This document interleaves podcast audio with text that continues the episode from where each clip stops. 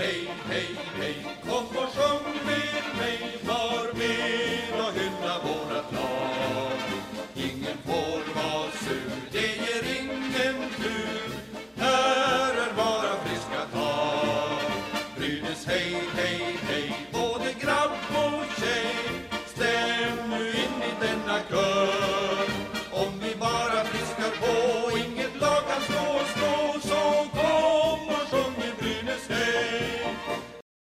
välkomna tillbaka ska ni vara till ett nytt avsnitt av Brynäspodden. Det är som vanligt eh, Viktor, du är med mig. Jajamän. Den här gången så är vi, så är vi ensamma, men vi har en liten specialare. Vi har en, eh, en intervju som ligger och pyr. Ja, men precis. Vi kommer nämligen att bjuda på uh, ungefär ja, men en, en halvtimmes intervju med Johan Svensson, även känd som Mr Madhawk. Skriver för Kvällsposten och Expressen idag. Jag tror att de flesta känner till honom. Ja, jag känner till honom som Mr Madhawk. Jag hade ingen aning om att han hette, att, vad hans riktiga namn var. Nej, och, och, det värsta är att han har ju så, han har ju så här riktigt svenskt namn också. Ja. Eh, Johan Svensson. Eh, nej, men Mr Madhawk känner ju de flesta till. Eh, stenkoll på allt inom spelarmarknaden. Så att eh, mycket intressant och rolig intervju måste jag säga. Vässa öronen eh, helt enkelt. Ja, det har också varit ett par matcher, fyra stycken sammanlagt har det varit. De ska vi tugga oss igenom. Vi har även eh, några spelare tillbaka i laget, främst inför framtiden så har vi Danielsson tillbaka. Sen har ju även Brynäs nu lanserat den här produkten som, eh, som vi har fått lite hintar om här på senaste. Privatpartners kallar de den då. Jajamän. Så det är det som står på schemat idag. Vi, eh, vi hoppar in i matcherna tycker jag. Ja. Det har varit eh, fyra sammanlagt då, med två för damerna, två för herrarna. vi kan väl, eh, vi börjar med det roliga då. Premiären mot Oskarshamn. Det roliga, säger du då. Nu tänkte jag så här, nu kommer du börja med damerna här. Men okay. Vad har du för ja. känslor i magen efter Oskarshamn? Oh, jag skrev ju en krönika där också. Uh, ja, var ska jag börja någonstans? Det var ju inte, det var ingen bra magkänsla efter den, äh, den säsongen, eller på säga, efter den matchen. Äh, jag kände en genuin oro för Brynäs IF. Jag tänker, Oskarshamn gjorde ju bara mål där efter några sekunder in i matchen och de alltså man, Oskarshamn styrde, kontrollerade den här matchen på ett sätt som inte alls var bra med tanke på att Oskarshamn är ju, de, de är också tippade långt ner i botten. Eh, jag tycker Brynäs kom inte in i någon bra position överhuvudtaget. Eh, var det inte första målet där som det var tre Brynäs killar rakt framför Viktor Andrén. Omöjlig att plocka den pucken. Mm. Så att man ställde till det och det var liksom Ja, jag vet inte, jag fick en väldigt... Eh, jag bytte faktiskt till och med och så kikade på, jag tror att det var Färjestad och Växjö. Nej, Victor. Jo, det gjorde jag. Eh, och eh, såg en helt annan typ av match, vilket gjorde att jag fick ytterligare magknip med tanke på att det var ju Färjestad som Brynäs skulle möta efter den här matchen. Eh, så att, eh, nej men, nej men ingen bra känsla alls. Nej, man får, jag tycker ändå att man får ge dem att de första tio av första perioden så tyckte jag att det var rätt bra drag i det. Man spelade nästan bara i, i offensiv zon de första tio och sen jag vet inte om det var någon utvisning där eller vad det var som hände, men sen vände ju hela matchen och då var det inte kul att kolla på det alls längre. Det var ett riktigt antiklimax hela premiären. Ja, men absolut. Men sen tyckte jag väl ändå, precis som du säger, inledningsvis var det bra, eller helt okej, okay, förutom det första målet. Mm. Eh, men jag vill ändå lyfta fram, jag tycker ändå, alltså Jadon DeShano gjorde ett bra in, första intryck där tycker jag. Ja. Det var ju också han som gjorde första målet den här säsongen. Eh, men sen så i samband med att laget totalt säckade ihop sig så försvann ju han också naturligtvis. Eh, Viktor Andrén släppte in fem mål. Vad tänker du om hans insats? Nej, den var riktigt blek. Vissa kan jag ändå vara med på att okej, okay, jag tror det var 3-1 målet eller om det var 4-1 målet som kom på en sån riktig kontring där de gör allt rätt egentligen. De kommer ut på ena sidan, lägger en riktig diagonalpass där Andrén måste göra hela förflyttningen och den går in. Den kanske man inte kan lägga på honom, men de andra målen, jag blev besviken. Ja, alltså det är en grej som jag tänkte mycket på. Det var ju Brynäs boxplay. Det kändes som att man sjönk väldigt djupt in mot eget mål och Oskarshamn fick otroligt mycket spelyta i spel i numerärt överläge, vilket såklart passade dem utmärkt. Och försvårade läget för Andrén skulle jag vilja säga. Ja, det gjorde det. Men jag tyckte ändå inte att jag, att jag såg någon... Ja, nej, det är det. De gör ju tre mål i, i powerplay. Hade de inte gjort mm. de tre målen, då är vi ju tillbaka på 2-2 där matchen faktiskt slutade. Så att, då hade det kunnat bli lite kamp om det. Men, men nej, jag, var inte, jag var inte imponerad var inte av eh, André första, första matchen. Här. Eh, var du imponerad av Erssons första match mot Färjestad? Oh, jag vet inte riktigt heller. Det började inte bra. Första, om man delar upp det i två halvor, så första var inte bra, andra var mycket bättre. Där han växte in i den matchen tycker jag och, och sista perioden så, så ja, då blev jag imponerad. Då tyckte jag att det var en bra start. Mm. Jag ska faktiskt säga att jag såg inte matchen i lördags mot Färjestad utan jag fick titta på, titta på den igen på söndagen där. Eh, bara för att jag var tvungen att få en bild av den där matchen. Det är såklart att man inte tittar när Brynäs vinner. Eh, uppenbarligen. Ja, eh, men det, det, jag håller med. Jag, tycker att, jag tyckte Ersson blandade och gav. Och när man, när man tittar på statistiken mellan de här två, om man tittar på Viktor Andrén i Oskarshamn, mot Oskarshamn och Samuel Ersson mot Färjestad, så skiljer inte så mycket åt. Nej. Eh, för tittar man, slår man ihop det med samtliga omgångar som spelades den kvällen i lördags med alla målvakter och då är det liksom alla lags målvakter som spelade så hade ju Ersson näst sämst statistik efter Henrik Haukland som Färjestad mötte dem, eller Färjestad som Brynäs mötte. Eh, så det, alltså, ja, det finns mer att önska vad jag har sett av målvakterna hittills. Ja, det gör det. De får väl um Sen ska jag också, med, också säga att även i Färjestad så kom ju Brynäs väldigt snett i positionerna. Där gjorde också Färjestad ett mål där det var två, tre Brynäs killar rakt framför Ersson omöjligt att se. Eh, det är en tendens jag har sett på båda matcherna nu och det är väl någonting som Brynäs behöver jobba på. Så att det har inte varit så enkelt för de här mål, målvakterna heller, måste ju tilläggas. Nej, nej, det har det inte varit. En grej jag verkligen tänkte på i Färjestad-matchen var att efter varje Brynäs-mål så säckade man ihop lite. Man blev väldigt passiva och vi blev även straffade av det en gång direkt efter tekningen. Det där otroligt jobbiga 2-2 målet tror jag att det var. Eh, som kom fem sekunder efteråt eller bara någonting. Men varje gång vi gör mål, nästa byte, så är det... Uff, vad nära det är en kvittering. Det är lite intressant att du säger det där, för jag tänker när man pratar om Brynäs så pratar man mycket om att man måste förändra kultur och, och så vidare, va? med inställning och allting. För det där tendensen såg vi ju också i förra säsongen. Mm. När Brynäs gjorde mål så släppte man jättesnabbt in ett mål också. Oh. Det var ju ändå alltså återkommande inslag förra säsongen. Det är lite intressant att du reflekterar över det även nu. Ja, jag tänkte inte på det så mycket under Oskarshamnsmatchen. För det var väl mest det var mest mål bakåt. Ja, men det var riktigt varje mål förutom sista i öppen kasta då, men varje mål var ehm, då var det nära direkt efteråt. Kusligt ja. nära, men sen ändå. Vi ledde och vi låg under och de kvitterade och vi kvitterade och sen kom vi ändå segrande ur kampen. Jag tyckte ändå det var en bra, en, en stark krigarinsats av hela laget. Absolut, och jag tänker någonstans också vad det här visar vad Anton Rödin betyder för Brynäs det har varit en helt annan inställning så fort han kom in i laget. Eh, nu hade han inte mest istid, även om han hade väldigt mycket istid. Eh, han gjorde kanske inte den bästa matchen ifrån sig heller, men det är helt naturligt tanke på att han kommer från en skada och inte varit med på hela försäsongen. Men oj, vilket annat lag det blir så fort Anton Rudin är med. Ja. Tänkte du på det? Ja, herregud vad det var stor skillnad på. Eh, man kunde både sätta ihop femmorna på ett annat sätt och offensiven kändes ettrigare och farligare hela tiden. Alltså jag tyckte var, ja men apropå de här laguppställningarna de hade, att det var ju ganska spännande, vad ska man säga, laguppställning där. Ja. Som Andersson eh, tog fram. Jag hade absolut inte tänkt på det. Satte in Rodin i andra femman med, eh, vad har vi? Ölund och, och Berglund. Berglund.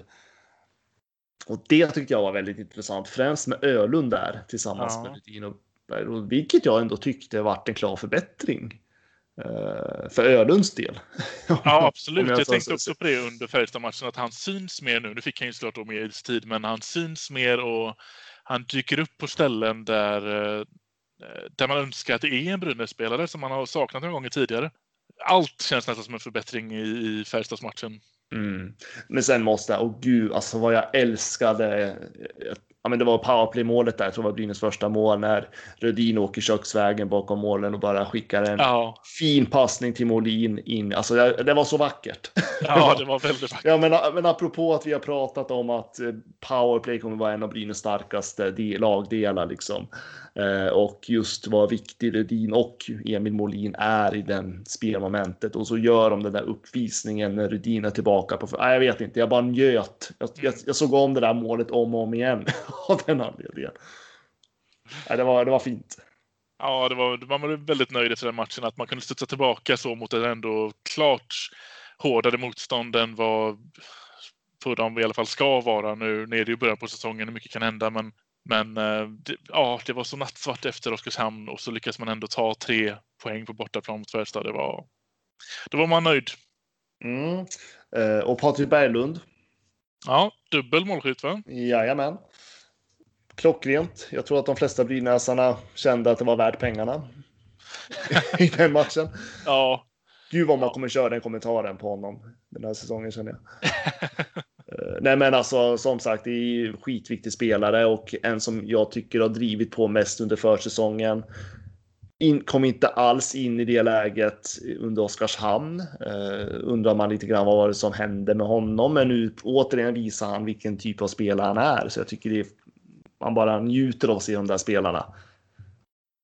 Också spännande som eh, Sasse var inne på i förra, förra avsnittet vi hade att varje powerplay vi hade mot, eh, mot Färjestad så var det Bertilsson i första, första paper.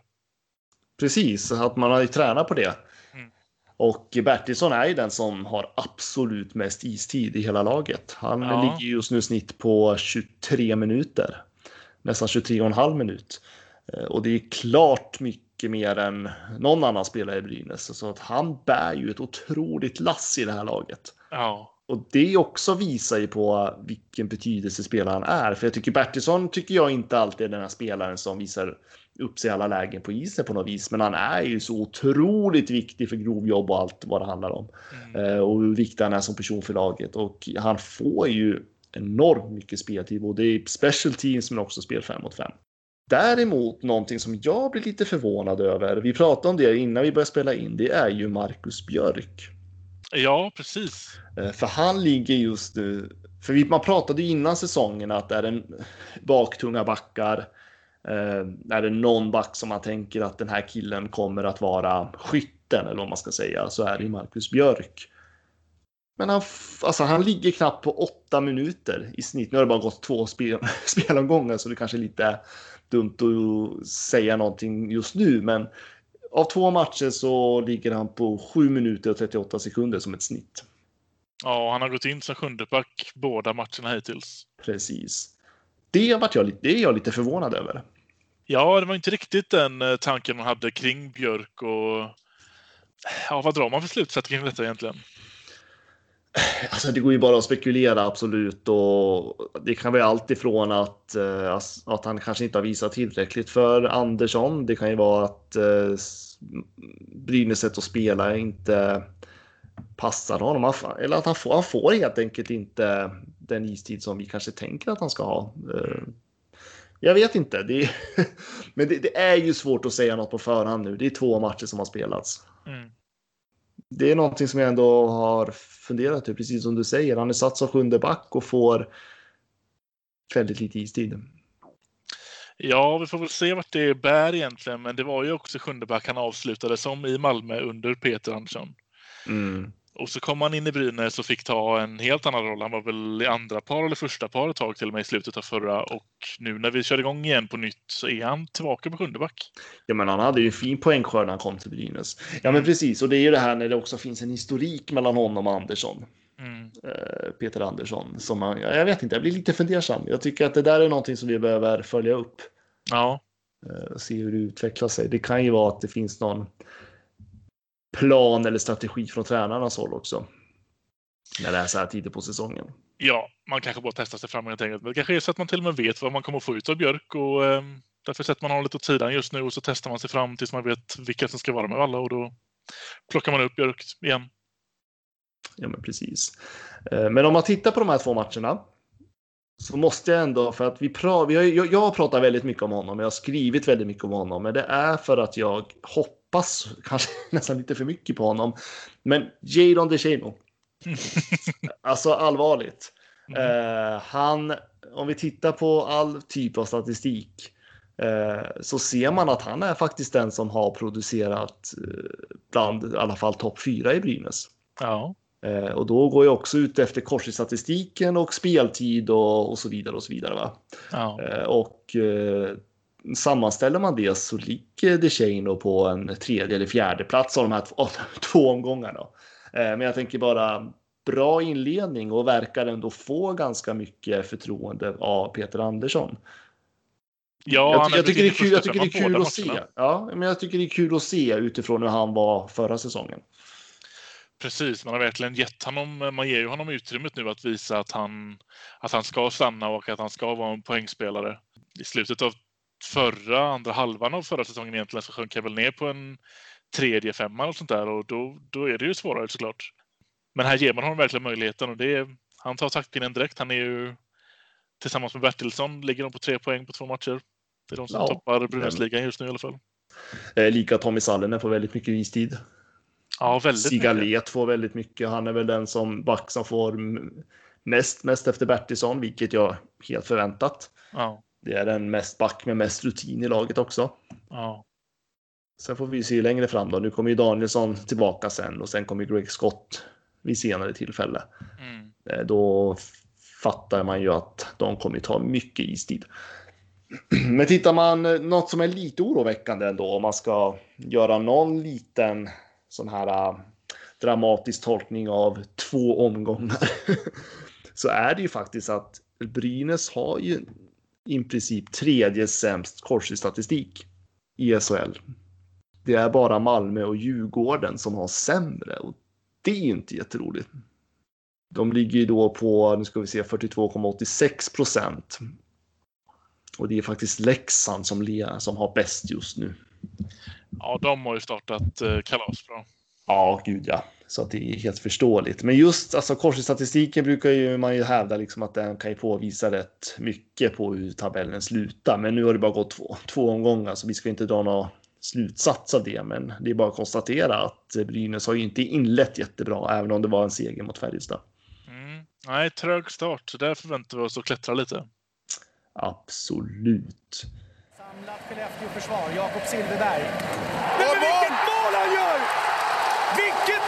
Han gör, Jakob Silfverberg! Nu har han gjort flest mål i en SM-finalserie i ett SM-slutspel genom tiderna. Men vilket mål han gör! Vi tar oss över till, eh, till nyheten om att Danielsson är tillbaka. Han ska gå på is idag, blir det va? Eller träna med laget idag? Det ska han göra tisdag. Han har ju meddelat att han är frisk och kry och han är redo för träning. Mm. Eh, vilket känns otroligt bra med tanke på att eh, ja, hur Brynäs har inlett säsongen och vilken förstärkning det varit. Så bara att Anton Rudin kom in i laget och då kan vi också plussa på med Niklas Danielsson just nu. Mm. Jag tänker att det, alltså, det är ett bra läge inför Linköping på torsdag. Ja, ja det kommer bli en spännande match. Det, ehm, vi har börjat lågt i, på manskapet, men nu när vi får tillbaka en och en efter en så känns det nästan bara bättre och bättre för varje, för varje match som kommer gå här när vi får tillbaka någon. Ja, men jag tror det och jag tror alltså jag. Alltså jag var ju som jag sa, jag, jag vart genuint oroad över Brynäs mot Oskarshamn, men samtidigt så är jag ganska säker på att under den här säsongen så kommer vi få ett Brynäs som successivt kommer att bli bättre ju mer spelarna sätter sig in i Peter Anderssons tänk och eh, precis som alla har sagt att det kommer krävas tålamod och det är en, alltså det är en intern kultur som behöver förändras. Eh, jag tänker på sådana situationer som du nämnde när när man gör ett mål så slappnar man av lite för snabbt eller för mm. lite för enkelt utan att att man får in den här så, vad ska man säga kulturen att efter ett mål så är det tillbaka till inställningen i matchen igen. Ja, det är vi som ska lägga mål igen efter fem sekunder. Ja, men precis. Och just det här att man, man att inställningen att man vill äga matchen. Som Mm. kanske inte riktigt har funnits i Brynäs eh, om man ska tala i sådana termer. Så att eh, jag är inte jätteoroad på det sättet. Sen kommer ju inte, vi pratar ju inte SM-guld eller något sånt, men jag tror att vi kommer få se lite bättre. Och Mm. där blir Danielsson otroligt viktig. Ja, så får vi se vilken, eh, vilken line han går in i här om han spelar redan på, eller det ska han göra då, spela på torsdag blir det ju. Spontant känner jag väl att med tanke på den speed vi har i en potentiell första femma och att jag redan förra säsongen tyckte att det går trögt för Danielsson så den andra femman för honom tycker jag är kanon. Och behåll Ducheno i första femman ett par matcher till. Även om man flyttar upp Rodin så att han blir eh, i första femman också. Så fortsätt testa med Ducheno tycker jag också. Ja, men jag håller med. Jag, jag, eh, ah, det känns som att jag är nog största hejar. Nej, men jag vill verkligen alltså, ge han eh, tid och eh, för att det finns så mycket krut i honom. Han har visat det tidigare, alltså tidigare i karriären. Det finns där. Mm. Så ge han utrymmet i alla fall ett tag till. Jag håller med dig. Sätt Danielsson i andra sidan, gör den stark. Men Mm. behåll kanadensaren Ja, i första kedjan jag skulle inte säga att jag är negativt inställd till det, men Danielsson blir inte yngre och, och som jag sa där förra säsongen så går det inte snabbt längre. Så jag tycker att även om man skulle, om Duchene inte skulle prestera till exempel eller så, så, så tycker jag att det går för fort idag i svensk hockey för att sätta in Danielsson i en första femma. Det är jag nästan emot oavsett vem, vem vi behöver ersätta i första femman. Han är kanon för den andra tycker jag, för där behöver den inte vara samma speed utan kan han med fokusera mer på sitt skott som är hans, hans grej såklart. Men um, nej, håll Danielsson utanför en första femma kan både vara det kan vara en bra sak till det sättet att det kommer alltid vara en stabil andra femma. Ja, jag håller delvis med dig i det. Jag tänker att Danielsson är bra oavsett din första eller andra femma. Eh, han gjorde ändå, vad var det, 35 poäng i fjol. Eh, vilket är helt okej i SHL-sammanhang. Eh, då ska man också komma ihåg att det hade kunnat, kanske kunnat varit ännu bättre om Brynäs hade spelat bättre. Mm. Så att, jag är nöjd vart man än sätter honom eh, på en f- första eller andra kedja. Mm. Men jag håller med i att i det här läget så kanske man ska hålla honom i andra kedjan, i alla fall nu till en början. Och sen får man se hur det utvecklar sig. Så att nej, men det är betydelsefullt.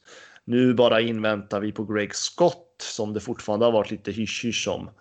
Uh, var det när han, hur det ser ut för honom. Så att uh, ja, Ja, precis. Den, eh, där vill vi gärna veta lite mer, tack. När, var, hur, vad, vad, vad, vad kan vi förvänta oss ens? För vet vi hur många matcher man tror att han kommer vara borta? Det har man väl bara sagt första delen hittills. man har inte sagt så mycket än och det är det som jag blir lite smått genuint oroad för. Helt ärligt. Eh, Men ja, vi får, vi får vänta och se. Men jag tycker att det är dags. Man måste nämna någonting. Jag förstår om man inte kan säga att eh, om det är att han kommer tillbaka nästa vecka eller om två veckor. Men det vore ju bra om man skulle kunna tala i termer om att vi förväntar oss att det kan bli någon månad eller några veckor. Ja, precis. Ge oss Någonting någon- sånt. Man behöver inte säga exakt. Nej, men precis. Eh, Och jag menar, är det oklart så kan man stå för det också. Ja, det är bättre att säga att man inte vet än, och, än, än tystnaden som är just nu. För då, då kommer det bara skapa fler frågor och fler funderingar och spekulationer och så sitter vi där till slut. Ja, men visst är det så. Från ingenstans, Leif! Det går inte! Han gör mål! Vilka handleder! Vilken spelare!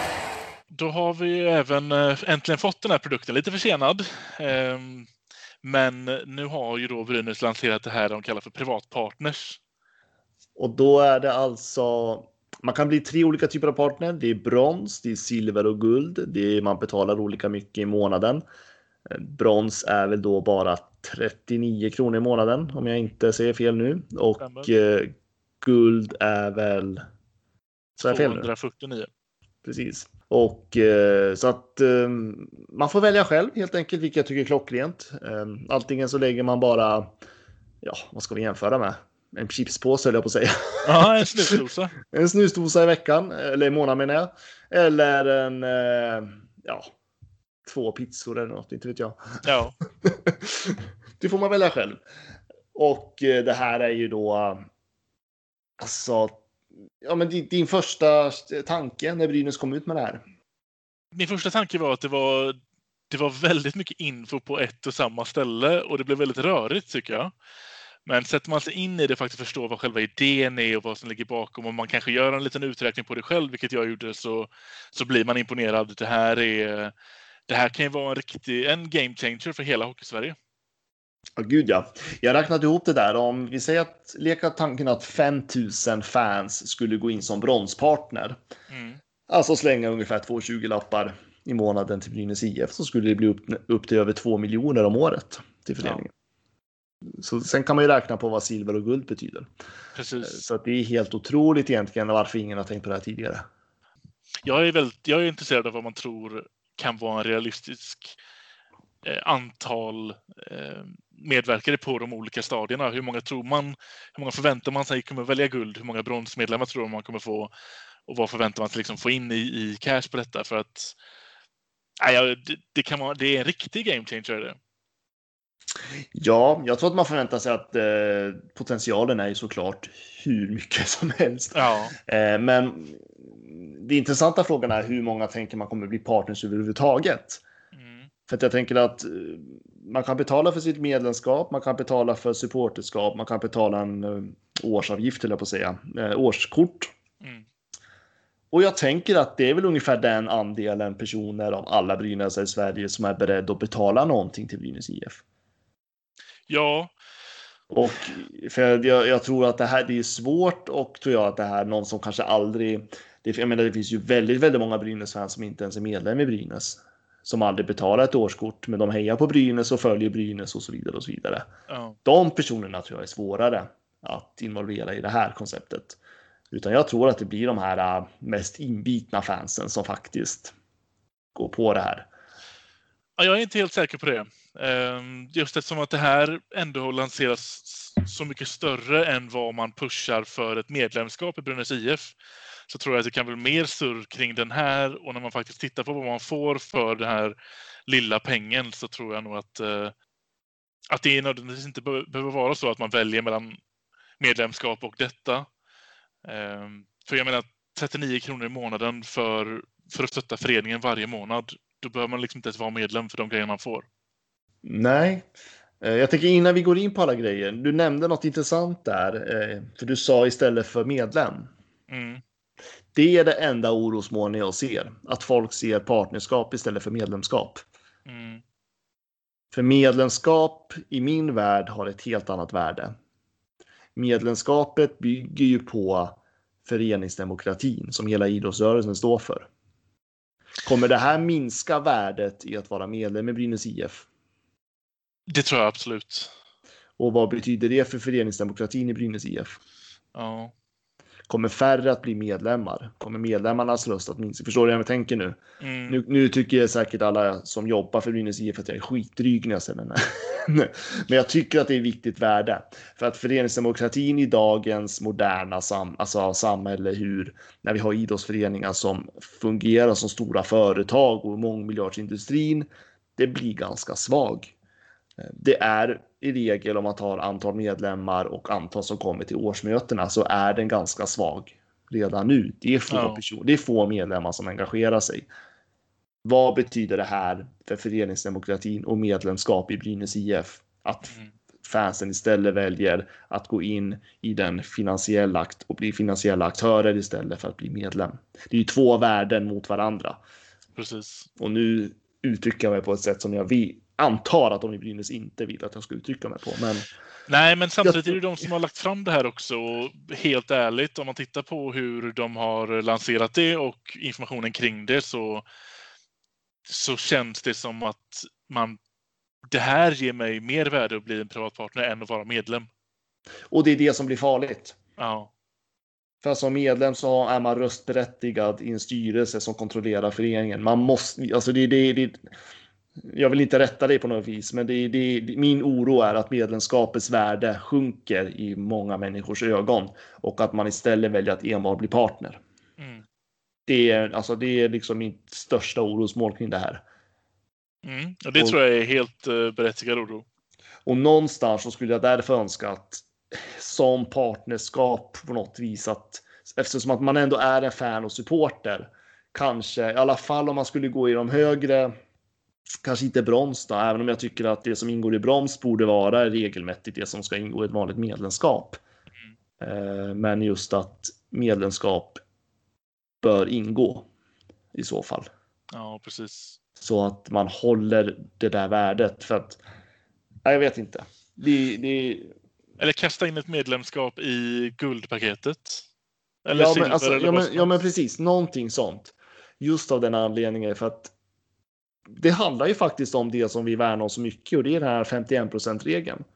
Ja. Och det är det medlemskapet liksom stärker. Det förstärker ju det där. Ja. Och där tänker jag att det här är liksom en kommersiell kraft som eh, riskerar att slå undan medlemskapets värde.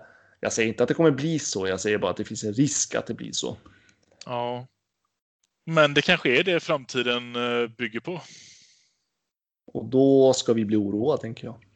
För det är liksom medlemskap, alltså det är ju 51 regeln och allt som idrottsrörelsen faktiskt grundar sig på i regelmässigt om man ska vara riktigt krass och hårdra den. Så att eh, nej, jag hoppas att alla som går med blir partner också tänker på det.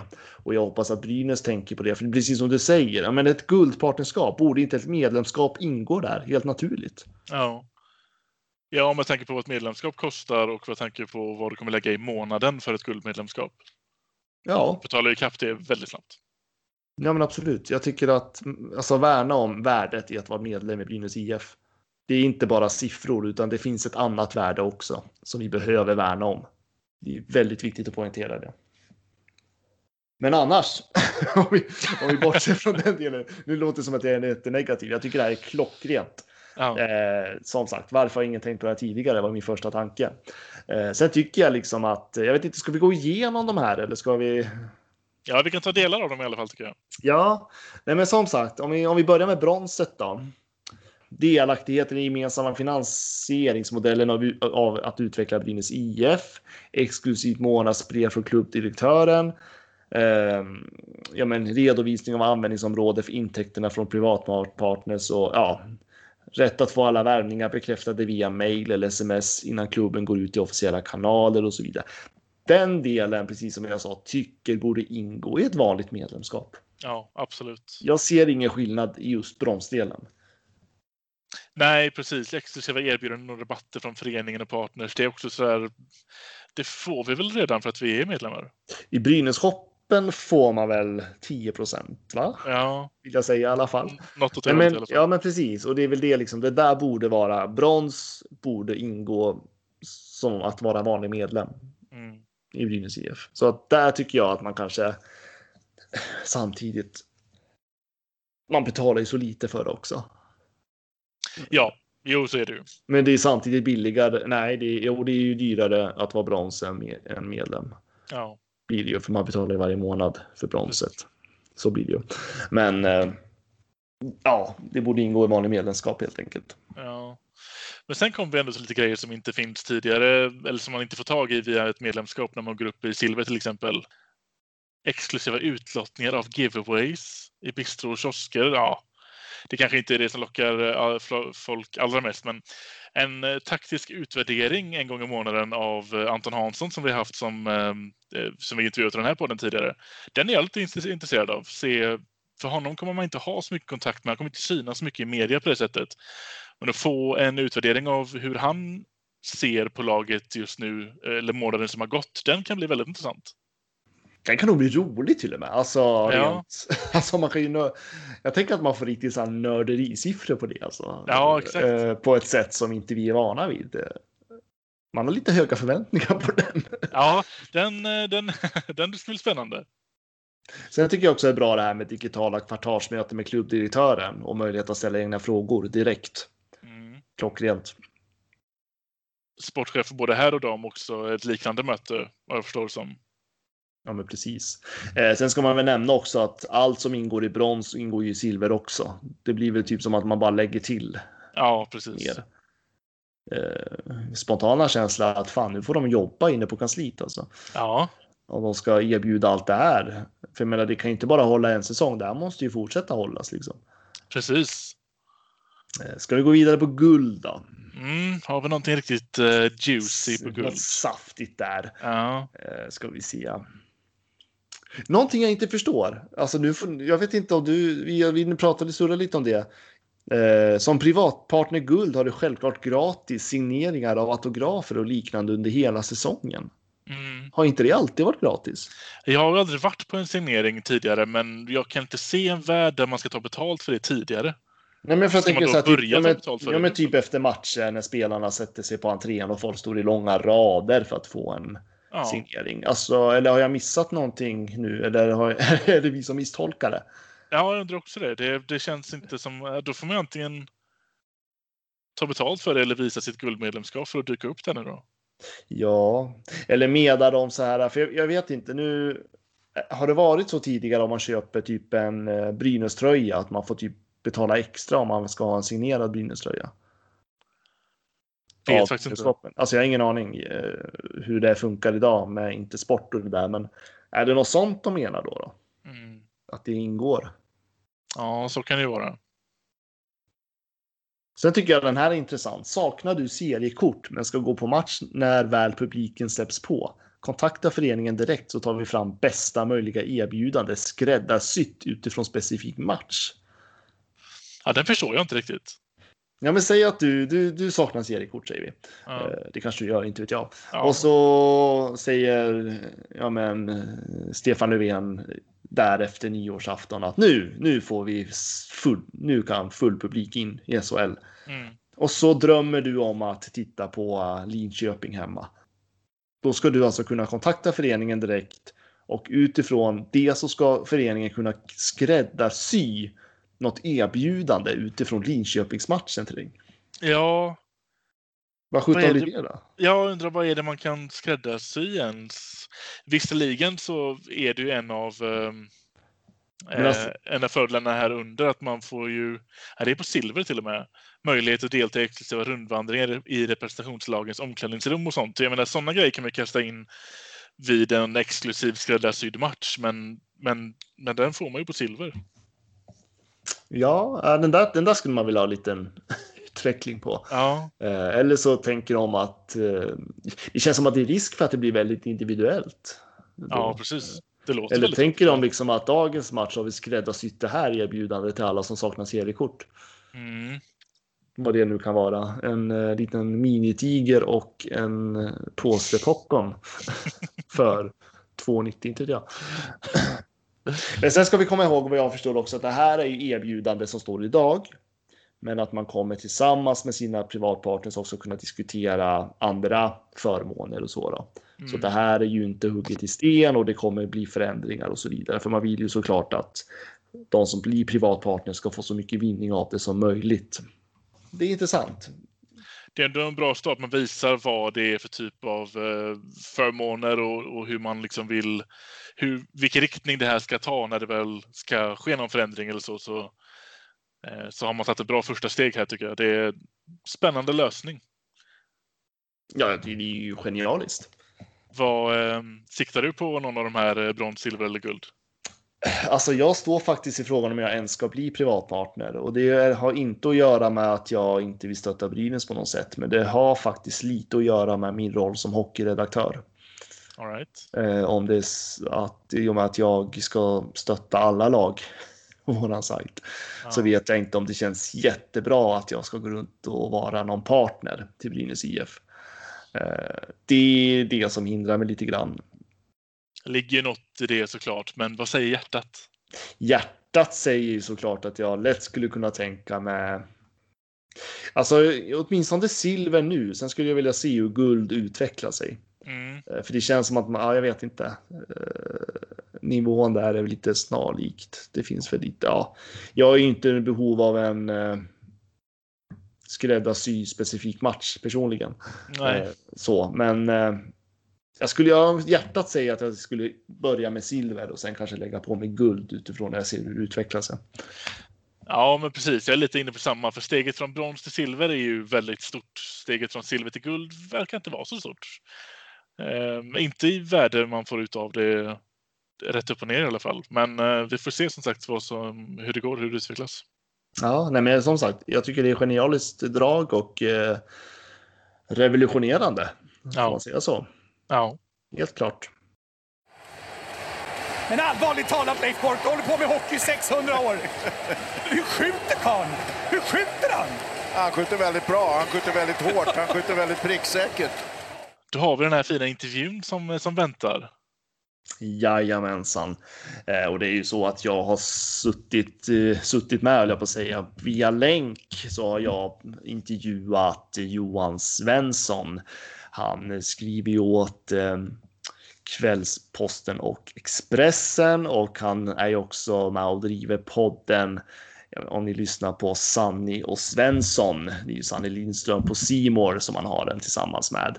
Fantastisk podd som jag rekommenderar naturligtvis. Eh, men eh, jag träffar honom och tvingar honom till att prata en hel halvtimme om bara Brynäs IF. Och det tycker jag ändå att någonting är värt att lyssna på. Jag upplevde upplevde ett självmål med en jävla skitregel. Vet du fan vem som har kommit på de där jävla reglerna. Då sitter jag här på länk tillsammans med Johan Svensson, även känd som Mr Madhawk och som bland annat jobbar åt Kvällsposten, Expressen och har podcasten Sanni och Svensson tillsammans med Sanne Lindström på Simor. Varmt välkommen till Brynäspodden Johan. Ja, men tack så jättemycket. Det ska bli skitroligt. Ja, bara Brynäs-snack. Vad tycker du om det? Ja, men det är väl eh, roligt att få gräva ner sig i ett lag bara sådär. Alltså, det är spännande. Ja, ja, det tycker jag också. Eh, men eh, om vi bortser från Brynäs lite grann då. Eh, inledningen av säsongen. Eh, hur tycker du att det har varit generellt? Eh, oj, ja, vi har ju bara hunnit 13 matcher in så att eh, det jag tycker man kan notera är att Luleå kommer ju vara precis lika bra och eh, Frölunda kommer vara bättre än förra säsongen. Sen finns det väl några som vi har lite frågetecken kring. Eh, Djurgården, var står de? De spelar bara en match, har gjort en svajig försäsong. Malmö släpper in för mycket mål. Leksand är kanske bättre. Det finns ändå lite små noteringar som man eh, kan göra så här långt tycker jag. Mm. Eh, har du sett några Brynäs matcher? Ja, jag såg eh, stora delar av matchen mot Oskarshamn här i torsdags och jag, jag bytte faktiskt kanal eh, inför tredje perioden för jag tyckte det var så meningslöst när eh, ändå Oskarshamn. Jag tyckte Oskarshamn var faktiskt klart bättre. Sen eh, slog jag på matchen mot Färjestad i lördags och blev eh, imponerad av hur pass mycket en sån som Anton Redin betyder för laget. Alltså vad han, bara hans närvaro, vad den, det känns som det betyder jättemycket för laget. Eh, Anton Redin är ju långt ifrån 100 procent känns det som, men ändå går han in och bara levererar direkt och det, det sätter sånt avtryck på hela gruppen tror jag. Ja, men precis. Och jag tror att vi är alla benägna att hålla med dig i den frågan. Eh, samtidigt så finns ju också den här kritiken gentemot Brynäs att man är. Eh, det är väldigt vass spets så att säga med Anton Rudin och Greg Scott och så. Men när de försvinner så är det ju liksom. Det försvinner ju väldigt fort i truppen om man ska tänka offensivt framåt. Eh. Ja, men, ja, men jag, jag, håller med om det att eh, det, det, kan stå lite grann och falla med dem. Men samtidigt så är det ju ändå det är ändå nu det ska hända med sådana som Emil Molin kan jag tänka mig. Och man har ändå värvat Adam Pettersson. Nu har han varit ganska lågt ner i laget, men han är ju ändå någonstans värvad för att han ska hitta någon form av framstående roll här på sikt i Brynäs som han kanske inte hade i Skellefteå. Så det, det känns ju ändå som att Ja, visst, Anton Rödin har rätt många år kvar att spela. Grace Scott har kanske lite färre år kvar att spela, men de är ändå, i alla fall Scott är 32 och Anton Rödin, han, eh, han är inte jätteung längre, så någonstans måste man ju ändå börja hitta in för lite yngre spelare på sikt här. Mm. Och det är väl det som blir en utmaning framåt också eh, i Brynäs led. Eh, men jag tänker vi ska gå lite när, djupare in på eh, Brynäs laguppställning och så. Eh, men jag tänker att du som inte är från Gävle och, har, och du har ju en så att säga neutral medial roll i Hockey-Sverige. Eh, vad är din bild av Brynäs IF?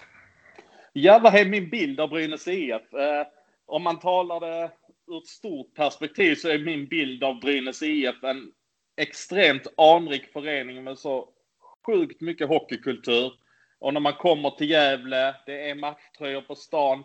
Det räcker man bor in på ett hotell i stan eh, så märker man att det kommer folk utifrån. Det är matchtröjor och det är eh, Brynäs-snack på stan och besöker man en restaurang och eh, det är hockeymatch så frågar de har du varit på hockey? Det är Alltså det andas så mycket hockey inom hela stan så Brynäs är ju så enormt viktigt för, eh, för stan. Det är ju min första absoluta spontana tanke när jag tänker Brynäs och allt stöd som finns på bortaplan. Det är ju egentligen Brynäs och Leksand som har det där folkkära, genuina i sig.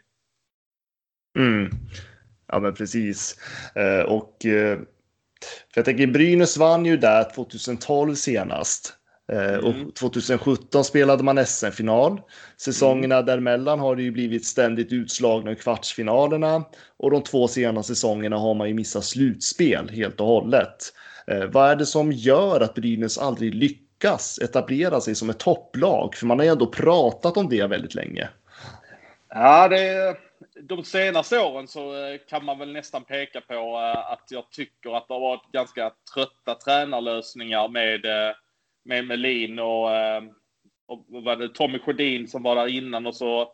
Det, har, det känns som det hela tiden har man har försökt rädda upp säsonger hela tiden istället för att ta ett omtag som man nu har tagit inför denna säsongen.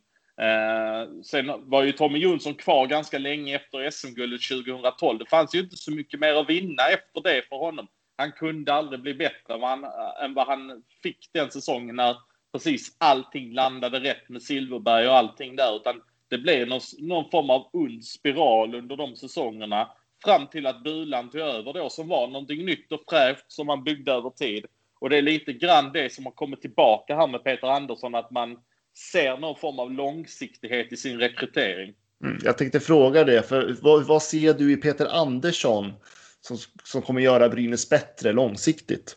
Ja, men det är just nyckeln är att det måste få vara långsiktigt. Det här kommer inte ske över natt, utan det här måste ske lite förändring i truppen också med ett par kontrakt som finns som måste få lov att löpa ut. Vi behöver kanske inte gå in på några namn där, men eh, det finns ändå ett antal spelare i truppen som kanske inte presterar på den nivån som lönekuvertet anger.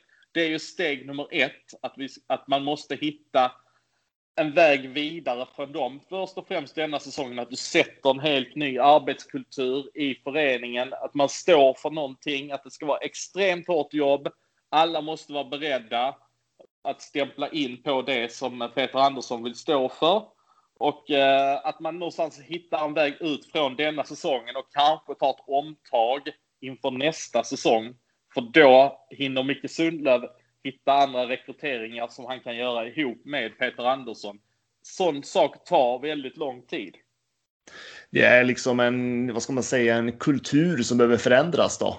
Kan man ju tänka sig. Ja, då. Jo, men, jo, men lite så är det. Eller så är det skulle jag säga. För att det känns inte som Brynäs har varit det hårt jobbande laget som eh, där det har funnits någon vidare skräck att åka till Gävle, utan det har känts ganska bekvämt ändå. Att man har förlitat sig rätt mycket på typ sådana spetsspelare som Anton Rudin som, som är så pass skickliga så att de kan uh, avgöra matcher. Så har Rudin varit skadad och så har det blivit en ond spiral av det.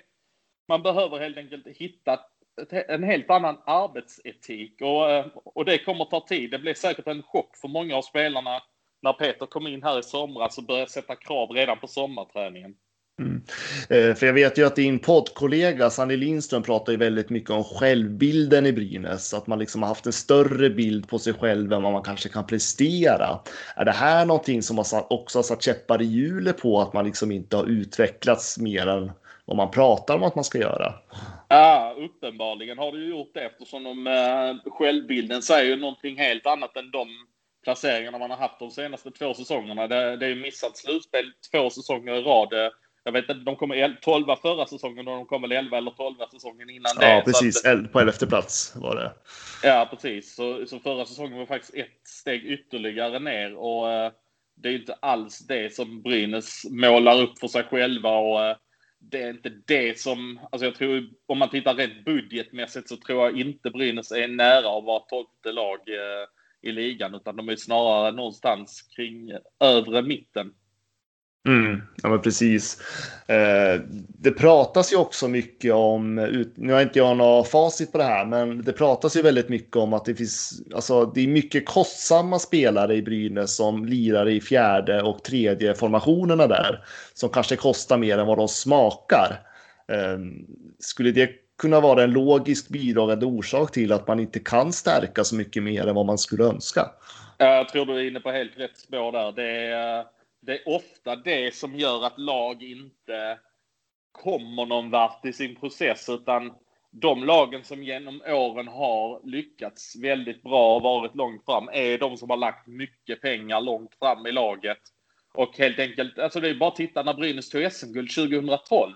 Att, eh, vem, var det som, vem var det som var bra då? Jo, det var ju inte de dyra spelarna. Det var ju Jakob Silverberg som som någon sa, han har ju, spelar ju långt ifrån det dyraste kontraktet i laget på den tiden. Han var ju rätt ung då. Mm. Uh, att man hittar en hel generation av sådana spelare som lyckas. Det behöver inte vara nödvändigtvis vara att man har dem från egna ledet som Brynäs hade ju en helt fantastisk generation då. Det behöver inte vara det, utan man kan ju hitta billiga allsvenska spelare. Man behöver helt enkelt lyckas med dem och lyckas med många sådana spelare på, uh, på samma år helt enkelt. Det är ofta det som är bidragande. Det är bara att kolla när Växjö vann 2018. Att deras bästa spelare var i stort sett den billigaste spelaren de hade i laget, Elias Pettersson. Ja, det gäller att ha lite fingertoppskänsla där då, som sportchef helt enkelt. Ja, kalla det vad du vill, fingertoppskänsla eller tur. Eh, det, det är väl ja, en, kanske lite både och då. Ja, men det är ju faktiskt en kombination av det. För att det är ingen som kunde förutspå att Elias Pettersson skulle vara så bra när de värvade honom 2018. Det är klart att de fattade att det skulle vara en stor talang och han skulle kanske göra sina poäng. Men inte att han skulle äga hela ligan och vara billigast i laget. Ja, men precis. Eh, och jag tänker på just det att värva spelare. För Brynäs har ju nästan blivit piskade i princip att förstärka truppen inför den här säsongen. Eh, samtidigt har vi en pandemi som ställer till det rejält för alla klubbar i hela Hockey-Sverige. Men hur mm. skulle du bedöma att klubben har skött sig utifrån spelarmarknaden den här, den här säsongen? Ja, alltså det, utifrån, det finns, man, det är som du säger, det finns en pandemi att ta hänsyn till också, men jag är ju rätt säker på att, att man ändå har hanterat det. Det kan såklart sticka i ögonen på många att man har värvat eh, Patrik Berglund och Simon Bertilsson, men det är ju faktiskt bekostat med hjälp av sponsorer och fans, så att jag tror inte jag tror inte Brynäs IF och jag tror Micke Campese aldrig skulle äventyra ekonomin för att värva ihop ett bra lag, utan jag tror att man på ett ansvarsfullt sätt har insett att man behöver hitta ett par pjäser i laget och eh, helt enkelt förstärkt utifrån det. Eh, sen är det klart att det finns spelare i laget som tjänar åt helvete för mycket pengar. Men eh, det, det får man ta denna säsongen, utan man får helt enkelt fasa ut dem. Man tog någon form av ansvar när man till exempel omförhandlade Nicke Danielssons kontrakt och satte på ytterligare ett år på det avtalet. Det tror jag var det tror jag faktiskt var bra gjort. Eh, det finns andra spelare. Sen så får man helt enkelt hoppas att sådana som Birgersson och Kvist och Ljungcrantz och de där helt enkelt blir bra. Att de tar steg som behövs för att eh, det blir bra av det här. Ja, men precis. Precis som du är inne på, för jag tänkte på det, för Brynäs har ju tidigare permitterat spelare och personal utifrån den här pandemin. Eh, och man har ju samtidigt värvat in en hel del och man har till och med bett fansen om stöd via Swish-kampanjer och det här har ju liksom både blivit kritiserat från många håll samtidigt som många också anser att det har varit ett nödvändigt agerande. Eh, men jag tänker generellt kring sådana här med permitteringar utifrån pandemin och samtidigt som man ber fansen om stöd. Vad är, vad är din egen syn på den? Att, eh, man, ja, ja, ja, ja, det sticker faktiskt inte på, i ögonen på mig så mycket att man faktiskt eh, försöker hitta vägar och försöker vara kreativa att hitta swishlösningar. Det finns de som kanske hävdar att nej, det här hör inte hemma på SHL-nivå, men det är kanske just det det gör. Det, det är ju ändå trots allt så att man får in väldigt starka spelare och sen är det klart att den, de här swish-pengarna bekostar väl kanske fyra månadslöner totalt på Patrik Berglund och Bertilsson och att över tid så kommer det här belasta Brynäs spelarbudget. Men eh, jag tycker alla vägar någonstans är bra. Jag, det, det, det, sticker inte i ögonen på mig som det gör på många andra, utan jag tycker att kan man hitta en bra lösning så är det bara att köra. Så, så länge man har koll på sin budget och inte äventyrar sin ekonomi så gör vad ni vill helt enkelt. Ja, men precis. Eh, och jag tänker både Berglund och eh, Bertilsson har ju fått otroligt mycket speltid. Bertilsson ligger just nu på två matcher bara, ska tilläggas då, men på 22 minuter. Eh, vad betyder de här karaktärerna för ett lag som Brynäs? Ja, men det betyder säkert mycket. Nu kan jag tycka att Berglund i första matchen, att han hade väl kanske ett kroppsspråk som var sisådär. Det finns de som inte håller med mig. Eh, men det, det, handlar inte bara om situationen på Oskarshamns eh, 4-1 mål, tror jag det var, där det ser ut som att han när han, eh, han har ju faktiskt sin gubbe, men hans kroppsspråk signalerar inte någonting som jag tycker är rätt. Men det räddar han ju upp jättebra. Han visar ju klass när Brynäs sen åker till Karlstad och vinner matchen, gör två mål, tongivande offensivt. Så att på Patrik Berglund, det kanske inte blir den som kommer kriga hårdast, den som visar störst attityd, jobbar hårdast bakåt. Eh, men han kommer göra sina poäng, så han kommer bli viktig. Simon Bertilsson är en viktig ledare. Det, det handlar ju inte bara om hans sätt att spela, utan det handlar ju om eh, att sätta någon form av ton, en Brynäsanda. Eh, en spelare som har kommit upp i de egna leden. Nu är ju han en Karlskoga-kille från början, men jag ser ju honom som en jävlig kille egentligen. Ja, det tror jag de flesta håller med dig faktiskt. Eh, men om vi bortser från Berglund och Bertilsson, för det är ju lätt att det är de som hamnar i rampljuset. Men jag tänker kring Brynäs nyförvärv i år, är det någon spelare som du känner lite extra vad ska man säga, nyfikenhet inför? Liksom, hur kommer han klara den här säsongen? Kommer det bli någon vidare utveckling och så vidare? Ja, är det, någon... Som jag, det är någon som jag spontant tänker på direkt tycker jag är Tom Hedberg. Eh, jag tycker att han, är, han kändes superstabil i Brynäs under Björn Hellkvist. Nu fick han väl ingen jättestart här eh, där han eh, hade en ganska tråkig match mot Oskarshamn. Men över tid så tror jag att Tom Hedberg kommer bli jätteviktig. Alltså det, man ska ha klart för sig med Tom Hedberg att han är 21 år. Det känns som han har varit med ganska länge, men han är faktiskt bara 21 år och det finns enormt mycket i honom. Det känns som att mycket av det han gör när det väl stämmer är så jäkla självklart så att jag tror att det där kan vara en back man bygger på över tid och eh, om han nu är kvar i Sverige då över tid. Eh, men han känns eh, definitivt som den som jag känner mest kring när vi går in i den här säsongen. Mm. Och nu får du rätta mig om jag har fel, men var inte han assisterande lagkapten också i Modo? Oj, det, det, vet jag faktiskt inte om han var. Eh, men eh, ja. det, det, det, är fullt möjligt att han var nu, det. Nu, nu kanske jag står och ljuger där, men jag har för mig att det var något sånt. Eh, jag tänkte på hans ringa ålder också. Ja, men precis. Alltså, det, det anger ju i så fall någonting om han var det. Det, det, det, känns ändå bekant när du säger att han, att han var en av de assisterande kaptenerna i Modo. Mm. Eh, men jag tänker när man har en sån där kille som Tom Hedberg, eh, för han får ju ändå liksom, om man jämför med andra backar, han får ju ganska begränsat med tid än så länge. Som sagt, nu är det bara två, två omgångar som har spelats, men han ligger ju på ungefär 12-13 minuter. Eh, mm. Är, det, är det ett bra mycket istid för en sån spelare? Eller skulle man önska att en sån som han skulle få mer istid? Ja, men jag tror över tid så tror jag nog att han är en sån som mår bra av eh, istid. Eh, för det var ju ändå det som, jag, som gjorde att han kunde spela ut med ett helt annat självförtroende i Modo till exempel. Så det tror jag att, att över tid behöver man nog hitta en bättre speltid på Tom Hedberg. Det tror jag absolut att man behöver hitta. Men sen är det klart att han ska ändå konkurrera om speltid med Sigalet, med eh, Bertilsson och sen så ska ju säkert John Nyberg få sin istid. Så att det, det är klart att det blir ju det blir ju tjockt så, så småningom. Nu, nu, nu är jag faktiskt inne och kollar istiden exakt nu och, och jag ser att han ligger på 15.30 så här långt eh, i, snitt, i, snitt, på två matcher. Och, eh, kan man trycka upp det till i alla fall 17-18 så över tid här under säsongen så tror jag ändå att det, det får bli någonting åt det hållet och sen så är det säkert någon back som försvinner här. Sigalet kanske försvinner, Andersen kanske försvinner. Eh, då kommer det finnas mer ansvar för en sån back när han har fått spela en säsong i SHL. Han får växas, växas in i rollen helt enkelt. Ja, men precis. Men jag tror ändå det kanske behövs uppåt eh, 16, 17, 18 någonting här eh, första säsongen. Men som du var inne på, det är två matcher. Det, det, det hinner hända jättemycket. Rätt vad det är så är det någon skada så får Hedberg kliva fram och så spelar han helt plötsligt 23 minuter i en match. Så att det, det, det är jättesvårt att dra några slutsatser så här tidigt på säsongen. Ja, men absolut, visst är det det. Eh, men du som analyserar i stort sett alla lag eh, och det är ju alltid massa tips inför säsongen och liksom alla experter ska ju säga sitt.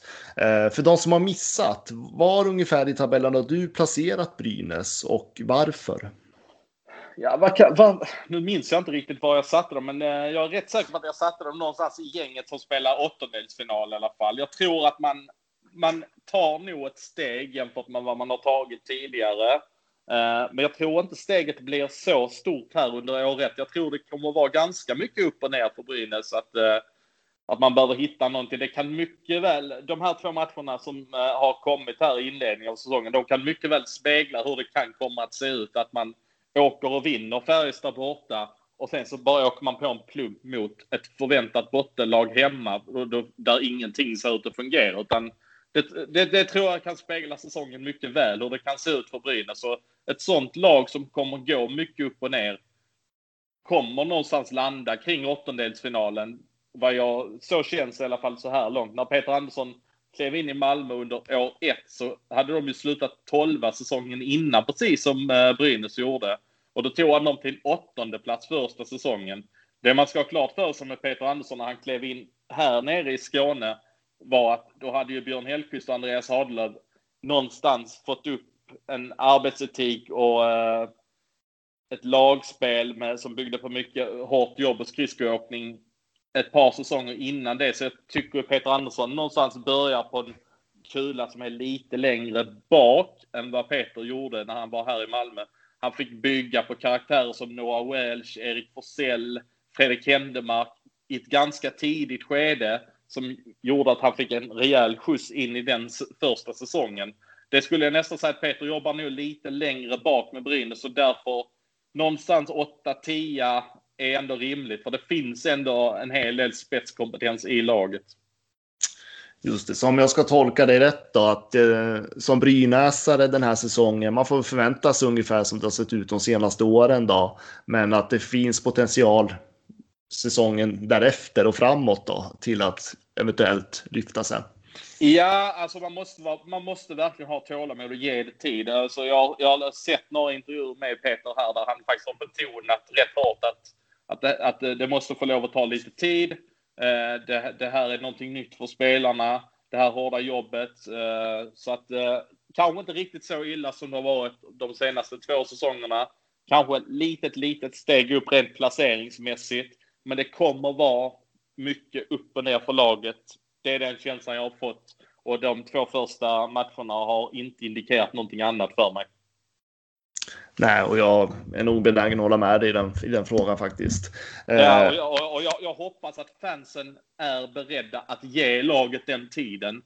Att man nu har hittat någonting långsiktigt där, eh, där man faktiskt ska få lov att bygga i fred och hitta någonting. För jag är helt säker på att styrelsen, Sundlöv, Micke Campese och de är beredda att ge Peter Andersson och hans kompanjoner den tiden. Det måste fansen också vara beredda att göra. Jag hoppas de är beredda att göra det. Ja, för, för jag tycker... För, för just, alltså känslan just nu när man tittar på Brynäs, Brynäs har ju inte råd att inte ge Andersson tiden. Nej, exakt. Alltså, eh, skulle, skulle det vara att de råkar bli 11 och man tar ett beslut. Nej, det här är inte tillräckligt bra. Andersson är inte den vi ska jobba vidare med. Då, då känns det som man är ute på riktigt djupt vatten. För vem vill ta över då? Så att det, det finns i stort sett inte alls på kartan att man skulle göra sig av med Andersson, utan man är beredd att ge honom den tiden. Det finns inget annat. Nej, det är, det är lite kniven mot strupen-känsla om man får uttrycka det så då, i princip. Ja, för Andersson blir det väl eh, faktiskt lite så och egentligen för hela Brynäs ledning. Man har ändå satsat rätt mycket på ett kort här nu att eh, Peter ska vara vår, eh, vår lösning för att ändra kulturen i klubben. Så att det, det är klart att kniven på strupen, ja, det är ett sätt att uttrycka det. Precis, och jag tänker Peter, precis som du nämner, han var ju tränare för Malmö tidigare och eh, mig vetligen så är Malmö ett lag som du har väldigt bra koll på. Eh, hur skulle du beskriva honom som tränare? Eh, han eh, är enormt kravställande. Eh, han accepterar ingenting. Eh, alltså träningarna, det ska vara, det ska vara full fart på träningarna. Eh, spelarna, de får veta om det, är, om det är dåligt helt enkelt. Utan, och han är, han är duktig på att berömma också. Har jag upplevt när jag har sett lite isträningar att eh, bra på att åka runt och prata med dem och eh, ja, men jag, han känns som en lite halvbutter typ om man bara ser det utanför. Men eh, det är en jäkligt trevlig individ om man sitter med honom och jag tror att det speglar av sig till spelarna också. Han står upp för sina spelare i alla lägen. Så att eh, när Peter var här förra vändan så hade jag en ganska dålig känsla av honom. Men efter de här åren som han har varit här som tränare så har jag fått en väldigt bra bild av honom som person. Eh, en helt annan bild som person. Att, eh, att det är en person som har hittat en helt annan eh, glädje i livet och arbetsglädje. Det låter bra. Jag tänker, när han var klar för Brynäs, var det, var, var det rätt tränare? Eller tänker du att Brynäs skulle haft någon annan typ av tränare? Eller är Andersson rätt tränare för att bygga upp någonting nu? Ja, jag har svårt att hitta någon annan tränare som, eh, som skulle kunna förändra på det sättet. Det skulle ju vara Björn Hellkvist i så fall som eh, egentligen är inne på en liknande resa i Leksand som är jättetrötta på det som har varit det här pendlandet. Utan här ska Björn Hellkvist hitta någon, någon helt annan arbetsetik och det är det som Peter Andersson också står för. Så jag skulle vilja säga att både Leksand och Brynäs är inne i ett, i ett nytt skede eh, som klubbar och föreningar. Att eh, man ska bygga någonting nytt här och göra det kring en väldigt stark ledare. Ja, precis. Det är ju som, och det är ju återigen, det gäller ju att ha tålamod för just de där förändringarna. Ja, eh, verkligen. Men eh, du är ju, deltar ju trots allt i en Brynäs-podd och jag tänker att sista frågan måste ju därför vara vad är ditt bästa Brynäs-minne? Oj, mitt bästa Brynäs-minne. Eh, oh, den är svår. Jag skulle nästan säga att eh, det är match 7 i Skandinavium när eh, Brynäs vinner mot Frölunda i semifinalen 2017. Eh, det är ett väldigt trevligt Brynäs-minne när man, eh, när man vinner den matchen där och avancerar till final mot HV. Jag har upplevt många roliga minnen kring Brynäs genom åren, men det har väl kanske varit när de har förlorat, typ nere i Malmö när jag var en aktiv supporter till laget i början av 2000-talet. Så att det, det är kanske inte de minnena som, som du efter, efterfrågar i dagsläget. ja, det är helt upp till dig vad du väljer.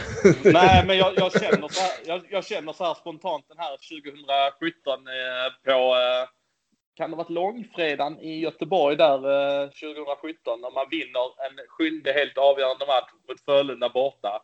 Det var starkt och det Brynäslaget Ja, det kändes... Eh, där var det... Stefan Liv sa en gång väldigt bra när HV hade slagit eh, Djurgården i en final att det skulle nästan delas ut två guldmedaljer. För den säsongen Brynäs hade där med Bulan som tränare så, och det blir en helt sjunde avgörande mot HV eh, i, som man förlorar i sadden. Jag vet inte fasen, då, då var det rätt nära att två guldmedaljer skulle delas ut den säsongen. Så att jag, jag tar med mig eh, det minnet från Skandinavium när jag såg den matchen på plats. En eh, sjunde avgörande semifinal och Brynäsklacken var enorm i den matchen. Ja, ja jag, jag håller med. Det är ett fantastiskt Brynäs-minne och det kändes ju också den matchen att Brynäs krämade ut sig nästan allt de hade där. Mm. Eh, det var verkligen blod, svett och tårar som man besegrade Frölunda. Ja, men verkligen. Man, det, tog det... man tog väl ledningen rätt tidigt igen med Oskar Lindblom om jag inte minns helt fel. Uh, ja, uh, nu vågar jag inte säga att du har rätt, men jag har för mig att det var något sånt va? Uh, mm. Och äh, men Frölunda gav ett jäkla motstånd och det var tro. Sen vet jag ju Brynäs har ju historiskt väldigt tufft bort i Skandinavium också. Mm. Så att äh, det var, jag minns den känslan också med glädje och smått ångest också som slutspel är om man hejar på ett lag. ja, exakt. exakt. Ja, ett slutspel kan väl nästan inte vara ångest, men det är ju det ändå. Men det är ju de här, både som Brynäs och Leksand och Malmö och alla lag har upplevt här under 2000-talet.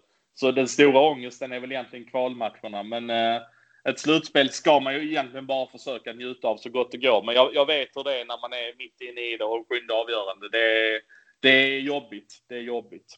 Ja, det är och det är som, det är som du säger. Det kan ju vara mycket, mycket värre. Ja, men verkligen. Det, egentligen har man ju bara allt att vinna i ett slutspel. Ja, men absolut. Eh, men Johan, eh, jag får tacka så jättemycket för att du ville ställa upp på den här intervjun. Ja då, tack så mycket. Ehm, du, ehm, lycka till med allting här med säsongen för Brynäs och hoppas det blir bra för alla Brynäs-fans under säsongen. Ja, jag tackar så mycket och sen vill jag också rekommendera podden Sanni och Svensson. Den är fantastisk tycker jag i alla fall. Är en trogen lyssnare. Ja, men tack så jättemycket. Det, det är kul att folk lyssnar. Så fick vi lite extra reklam här då. Ja, men absolut ska jag det när, ni ändå ställer, när du ändå ställer upp så här. Ja, men det, det förtjänar ni. Ja. ja, tack så mycket. Nej, det är för dåligt. De tog bort den för många år sedan. Så ska de tillbaka med skiten.